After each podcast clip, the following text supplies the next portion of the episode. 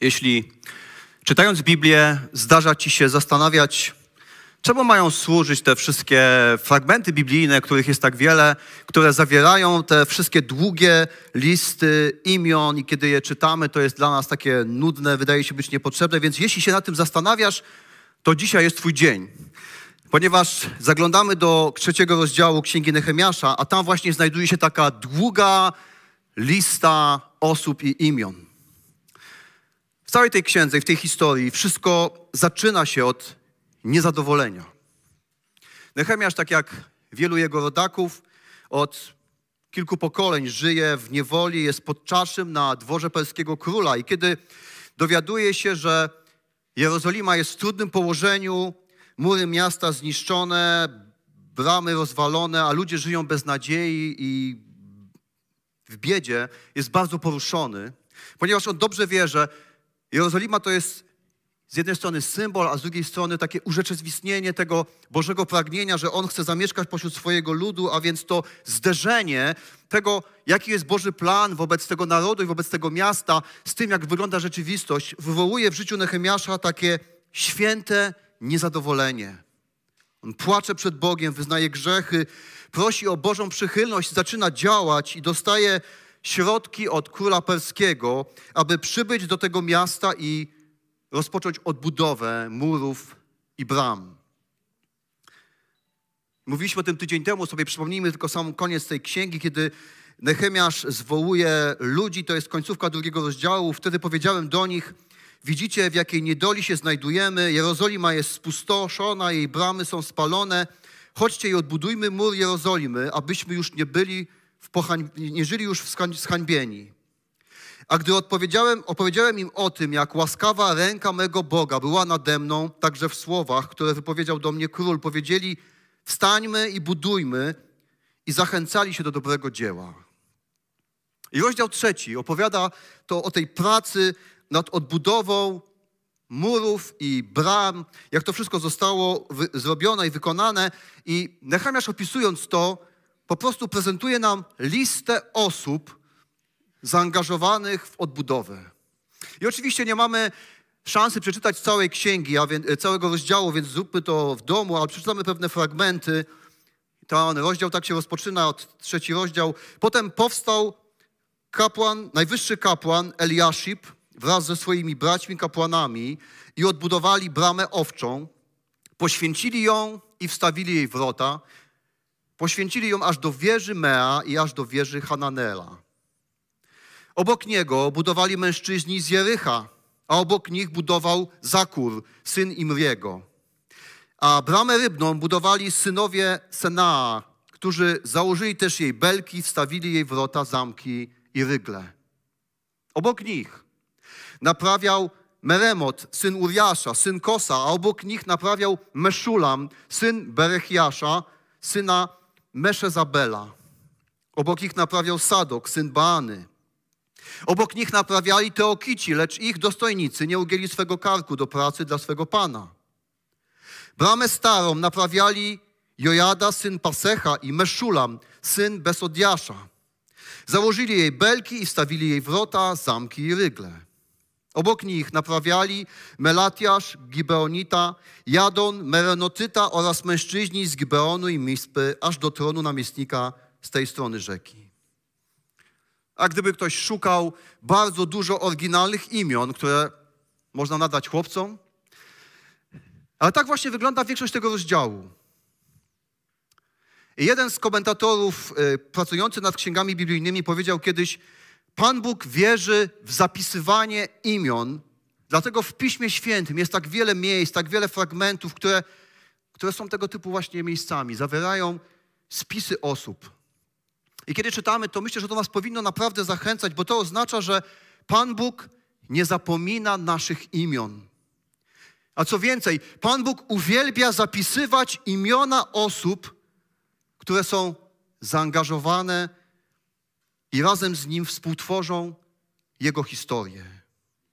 I ten trzeci, obra, ten trzeci rozdział obrazuje to, że aby coś odbudować z ruin, zbudować na nowo, zbudować dla Boga, po pierwsze potrzebujemy budować razem z Bogiem, ale też w tym samym czasie, na tym samym oddechu.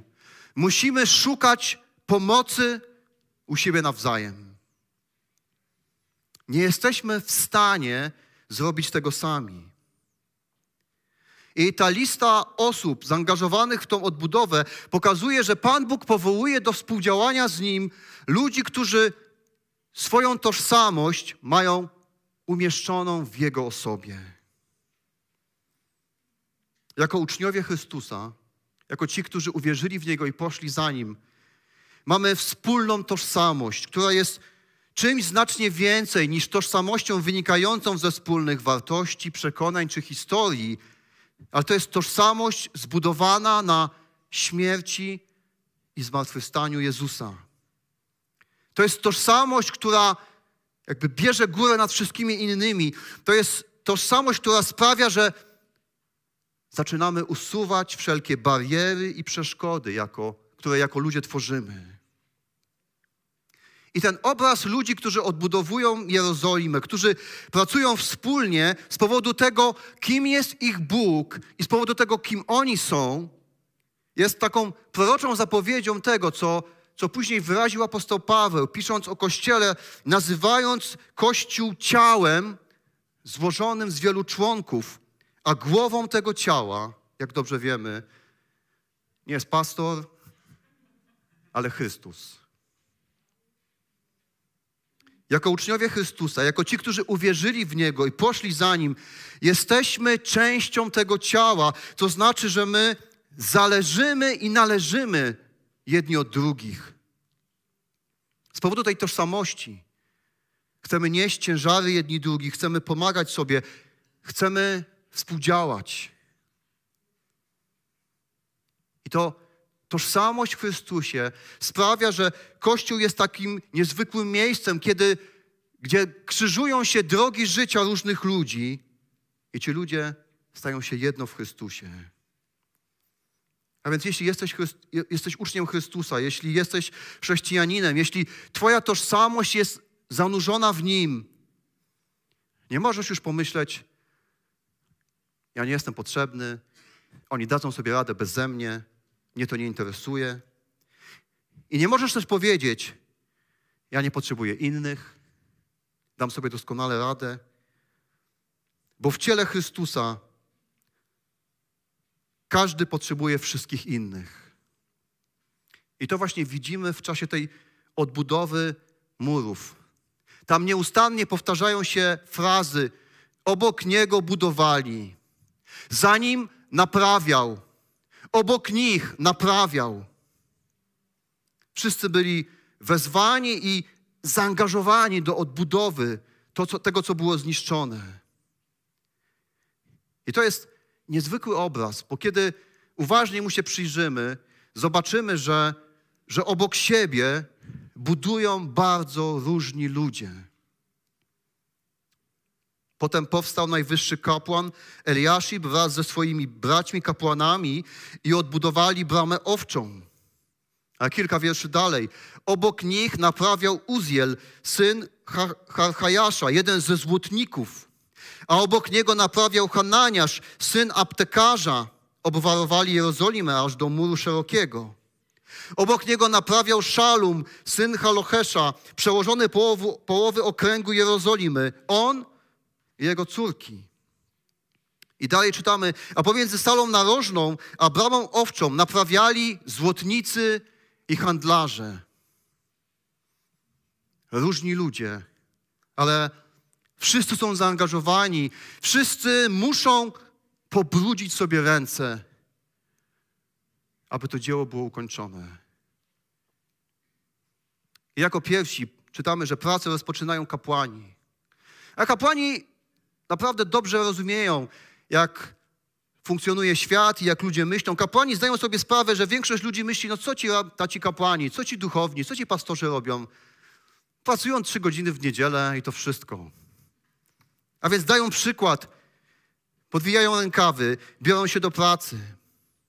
Jest tutaj mowa też o dwóch wysoko postawionych urzędnikach, którzy, każdy z nich zarządza połową miasta. Oni zakasają rękawy i włączają się do pracy. Kiedy czytałem ten fragment, to musiałem się zatrzymać, bo tam jest to niezwykły taki dodatek, że jeden z nich pracował, a wraz z nim jego córki. Pomyślałem sobie wtedy o, z wielką wdzięcznością o moich córkach. One tam siedzą, ja nie patrzę w tamtą stronę. O tym, że, że możemy budować razem. Że to nie jest tylko praca taty, praca mamy, ale mamy tą świadomość, że wspólnie bierzemy udział w budowaniu Bożego dzieła. Jestem Bogu za to wdzięczny. I to jest niezwykle zachęcające widzieć w tamtych czasach, w tamtych okolicznościach, kiedy społeczeństwo było tak bardzo schierarchizowane i podzielone, że widzimy tą niezwykłą demonstrację równości i tego, że ludzie włączają się w to Boże zadanie. I pracują, pracują ludzie tak zwanego wysokiego stanu tamtych czasów i okoliczności. Pracują strażnicy, rolnicy, jubilerzy, aptekarze, służba świątynna. Wszyscy są wolontariuszami, nikt nie otrzymuje za to, za to jakiejś płacy. Czytamy, że większość to są mieszkańcy Jerozolimy, ale też okolicznych miast, okolicznych wiosek. I wiecie, i dokładnie tak samo jest w ciele Chrystusa, kiedy stajemy się uczniami, kiedy idziemy za Nim. My, bardzo różni ludzie, wszyscy jesteśmy powołani do tego, żeby się włączyć do budowania, do służenia i wznoszenia i odbudowywania rzeczy, które zostały zniszczone, do budowania razem z Bogiem i razem z innymi. I to pięknie brzmi, ale musimy przyznać, że, że to jest bardzo zaniedbana prawda we współczesnym Kościele. Że tak często oddalamy się od tego i pomijamy ten aspekt współdziałania, służenia razem z innymi. Czasami po prostu myślimy, no no to jest zadanie tych, którym płacimy. To jest dobre zadanie dla tych, którzy wydają się mieć więcej czasu i są takimi zapaleńcami, ale to nie jest zadanie dla nas wszystkich, tak często myślimy. Firma Bankrate, która prowadzi usługi finansowe dla konsumentów, przeprowadziła kilka lat temu pewien sondaż, z którego wynikało, że to są badania niestety amerykańskie, do polskich nie dotarłem, nie wiem jak to wygląda w naszej rzeczywistości, ale w tamtej wyszło, że 51% Amerykanów nie wykorzystuje kart podarunkowych, które otrzymują. Wiecie, karty podarunkowe do sklepów, do kin, do księgarni.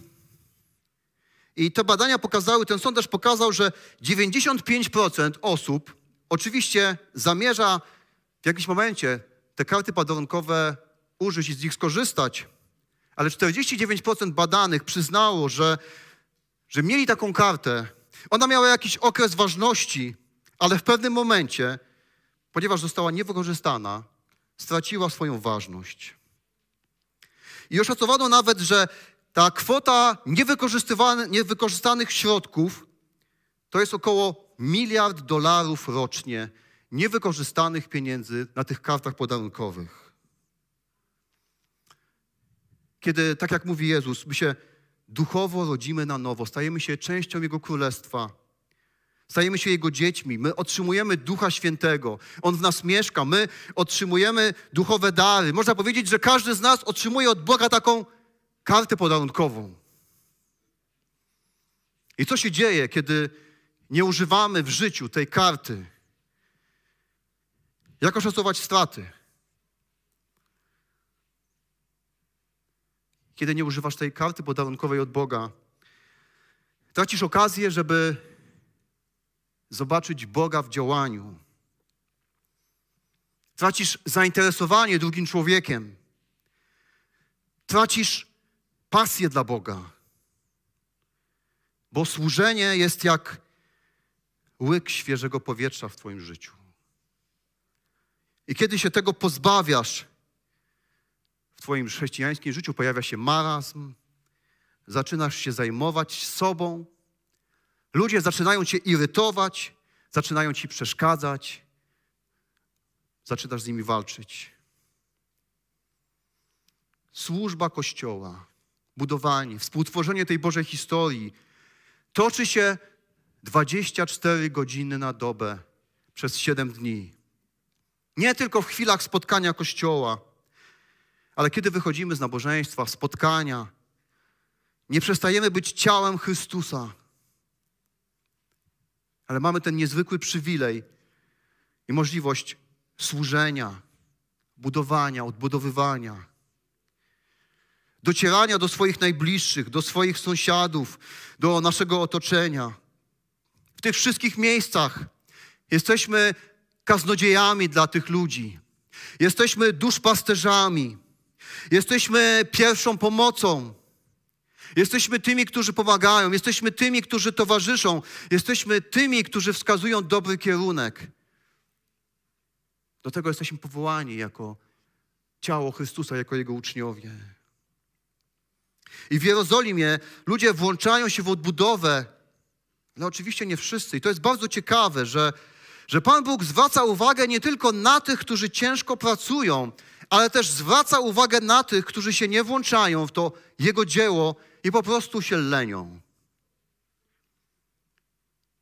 I w tym wierszu piątym, który wcześniej czytaliśmy, była mowa o tym, że, że naprawiali też teokici, lecz dostojnicy nie ugięli swego karku do pracy dla swego Pana. I bibliści tak dyskutują między sobą, jak możemy zrozumieć te słowa, i wiele uważa, że ci ludzie nie włączyli się w to dzieło odbudowy, bo nie mogli dowodzić. Może włączyli się, gdyby mogli kierować, gdyby mogli decydować, gdyby to od nich zależało, kto jakie miejsce zajmuje w tej odbudowie, jaki kawałek muru jest dla niego. Ale jakby trudno im było przejść do porządku nad tym, że oni po prostu mają być tymi jednymi z wielu. Że mają dostać ten swój kawałek muru i po prostu go odbudowywać. Wygląda na to, że, że my współcześni wierzący też często zachowujemy się podobnie jak ci dostojnicy z Tekoa. No raczej nie mówimy, że chcemy dowodzić. Bardziej działamy w sposób albo coś zrobimy po mojemu, albo jak ja to widzę i jak ja bym chciał czy chciała, albo, albo robicie to beze mnie. Tymczasem tak się nie da funkcjonować. Nie da się budować. Nie da się prowadzić służby, jeśli wszyscy będą próbować dowodzić i kierować.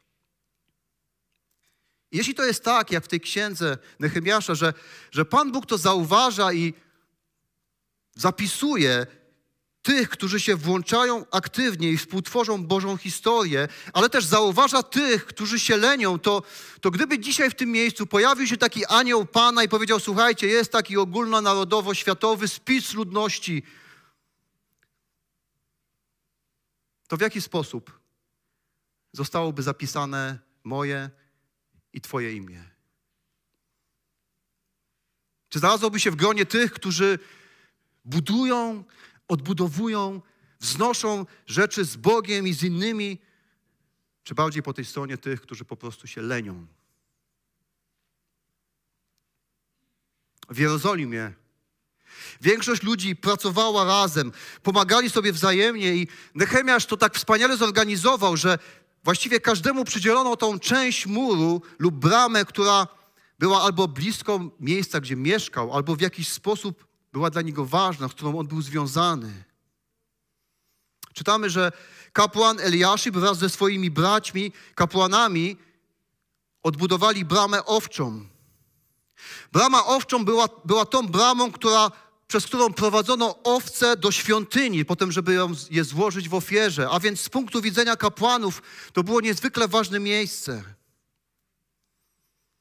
A dalej czytamy, że Obok nich naprawiał Jedajasz, syn Haramufa, naprzeciw swego domu, a obok niego naprawiał Hatau, Hatausz, syn Haszabnejasza. Za nim naprawiali Beniamin i Haszub naprzeciw swych domów. Za nimi naprawiał Azariasz, syn Mesajasza, syn Ananiasza, obok swego domu. No chyba nie ma ważniejszego i bliższego sercu miejsca niż dom, dlatego większość osób właśnie odbudowuje w takich miejscach. Ale tak właśnie wygląda plan służby, jaki przygotowuje dla nas Pan Bóg. Pan Bóg umieszcza nas w miejscach powodów strategicznych. umieszcza nas w miejscach, w których chce, żebyśmy byli. Twoje sąsiedztwo, Twoje biuro, Twój dom. To są miejsca, w których ma się toczyć Twoja służba. To są miejsca, w których Pan Bóg Cię umieścił, ponieważ one są najbardziej bliskie Twojemu sercu. I Bóg chce, abyś w tych miejscach budował, odbudowywał rzeczy razem z Nim. Czytamy też, że bramę źródlaną naprawiał Szalun, syn Kolchozego, naczelnik okręgu Mispy. On ją odbudował, przykrył dachem, wstawił w niej wrota, stworznie i zasuwy, a także wzniósł mur przy sadzawce wodociągowej, przy ogrodzie królewskim i aż do schodów wiodących w dół z miasta Dawida. Zanim naprawiał Nechemiasz, syn Azbuka, naczelnik połowy okręgu Betsur, aż do miejsca naprzeciw grobów Dawidowych i aż do sztucznego stawu oraz koszar wojskowych. Okazuje się, że niektórzy pracowali naprawdę w miłych okolicznościach. Dostali ten kawałek muru do odbudowy tuż przy królewskich ogrodach, tuż przy ważnych historycznych miejscach, przy grobach władców i praca w tych miejscach oczywiście była ciężka, tak jak w innych, ale z powodu takich miejsc cała ta praca wydaje się być jakby piękniejsza, ważniejsza i wznioślejsza. Ale niektórzy nie mieli tyle szczęścia.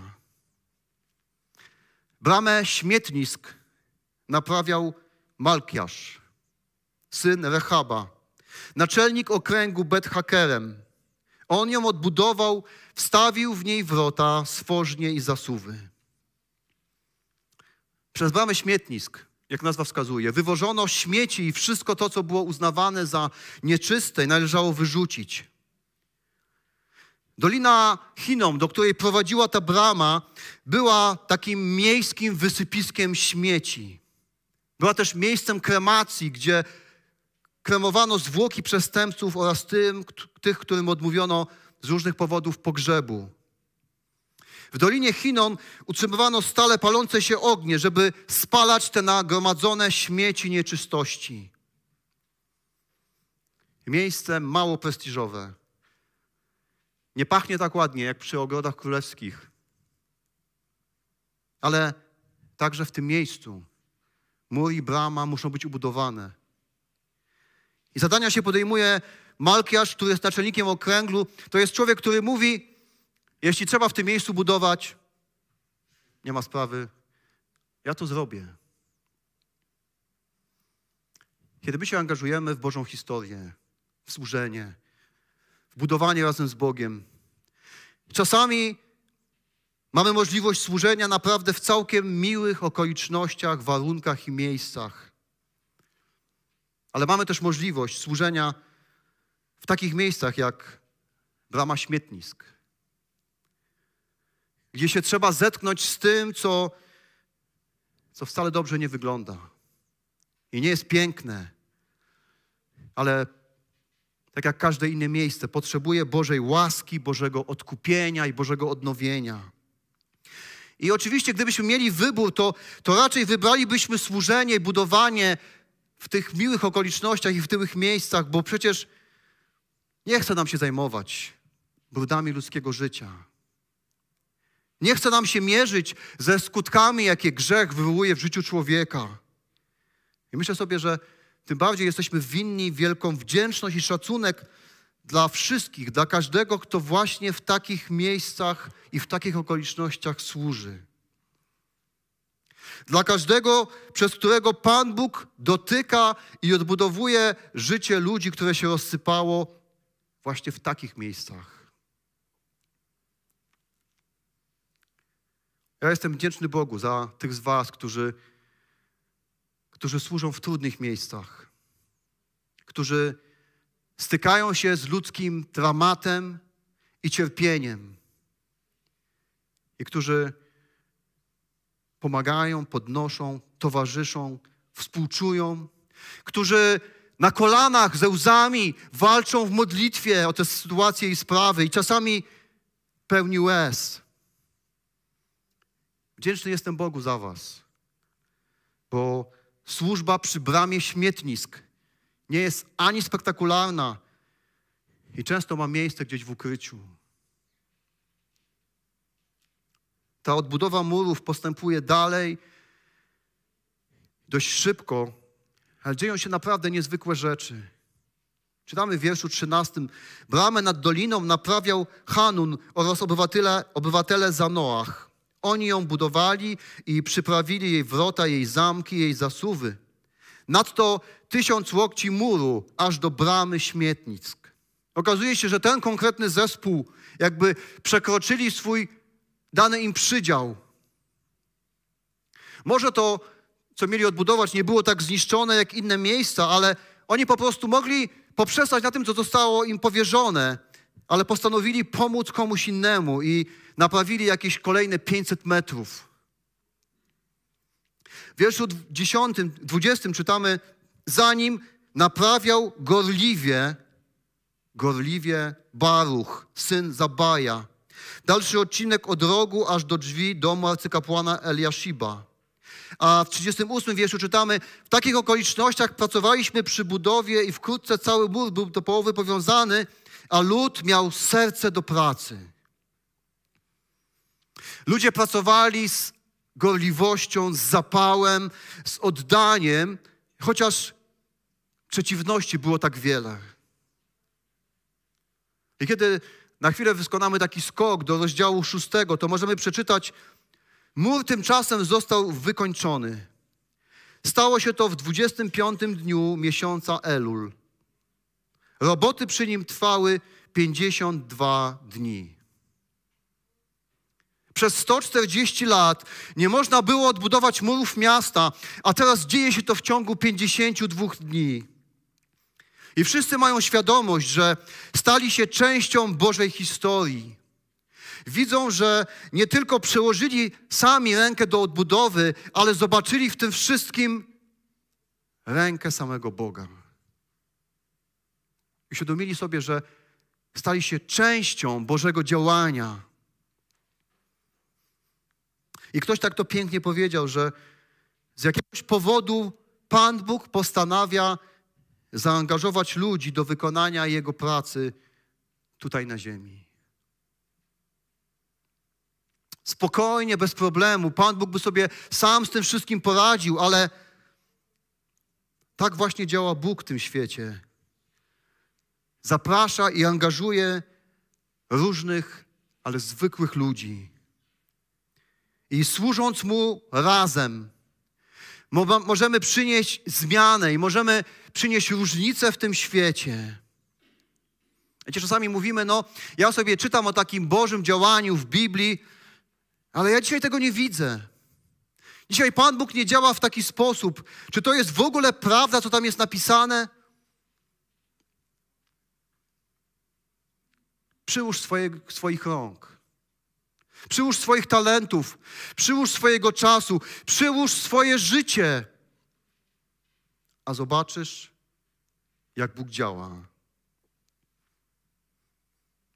I dlatego apostoł Paweł w Nowym Testamencie zachęcał Galacjan i też nas, żebyśmy byli tacy niestrudzeni w tym szlachetnym postępowaniu, w tych dobrych dziełach, bo on pisze, że jeśli w tym wytrwamy, to będzie czas wielkich żniw i to służenie, to budowanie, to burze, będzie, bycie częścią Bożej historii jest trudne.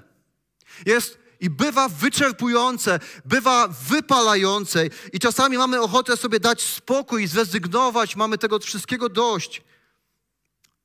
Ale Bóg mówi, nie ustawaj. Nie rezygnuj. Nie poddawaj się. Ja jestem z Tobą. Ja działam i będę działał.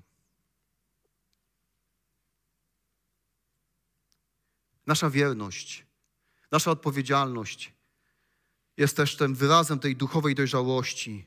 Kiedy my trwamy przy powierzonej nam pracy do momentu, aż nie zostanie wykonana.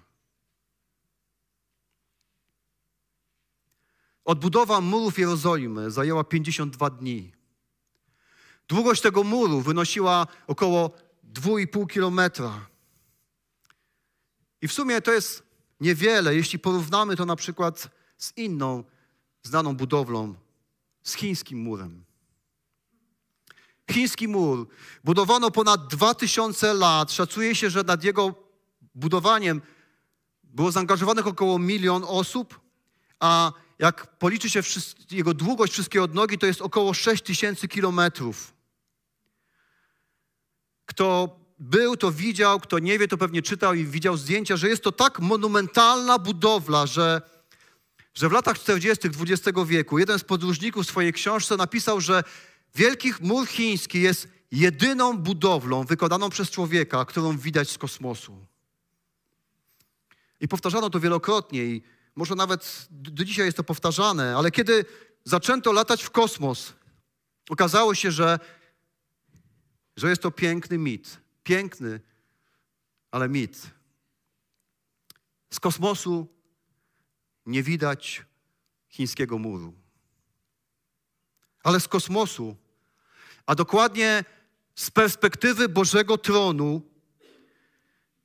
widać Twój kawałek muru, który odbudowujesz razem z Bogiem i włączasz się w Jego historię. Z perspektywy Bożego tronu Bóg widzi to, jak się trudzisz i widzi to, co budujesz razem z Nim i razem z innymi. Boża historia jest warta tego, żeby przyłożyć do niej swoich rąk. Gdy to zrobisz, zobaczysz Boże działanie. Powstańmy do modlitwy.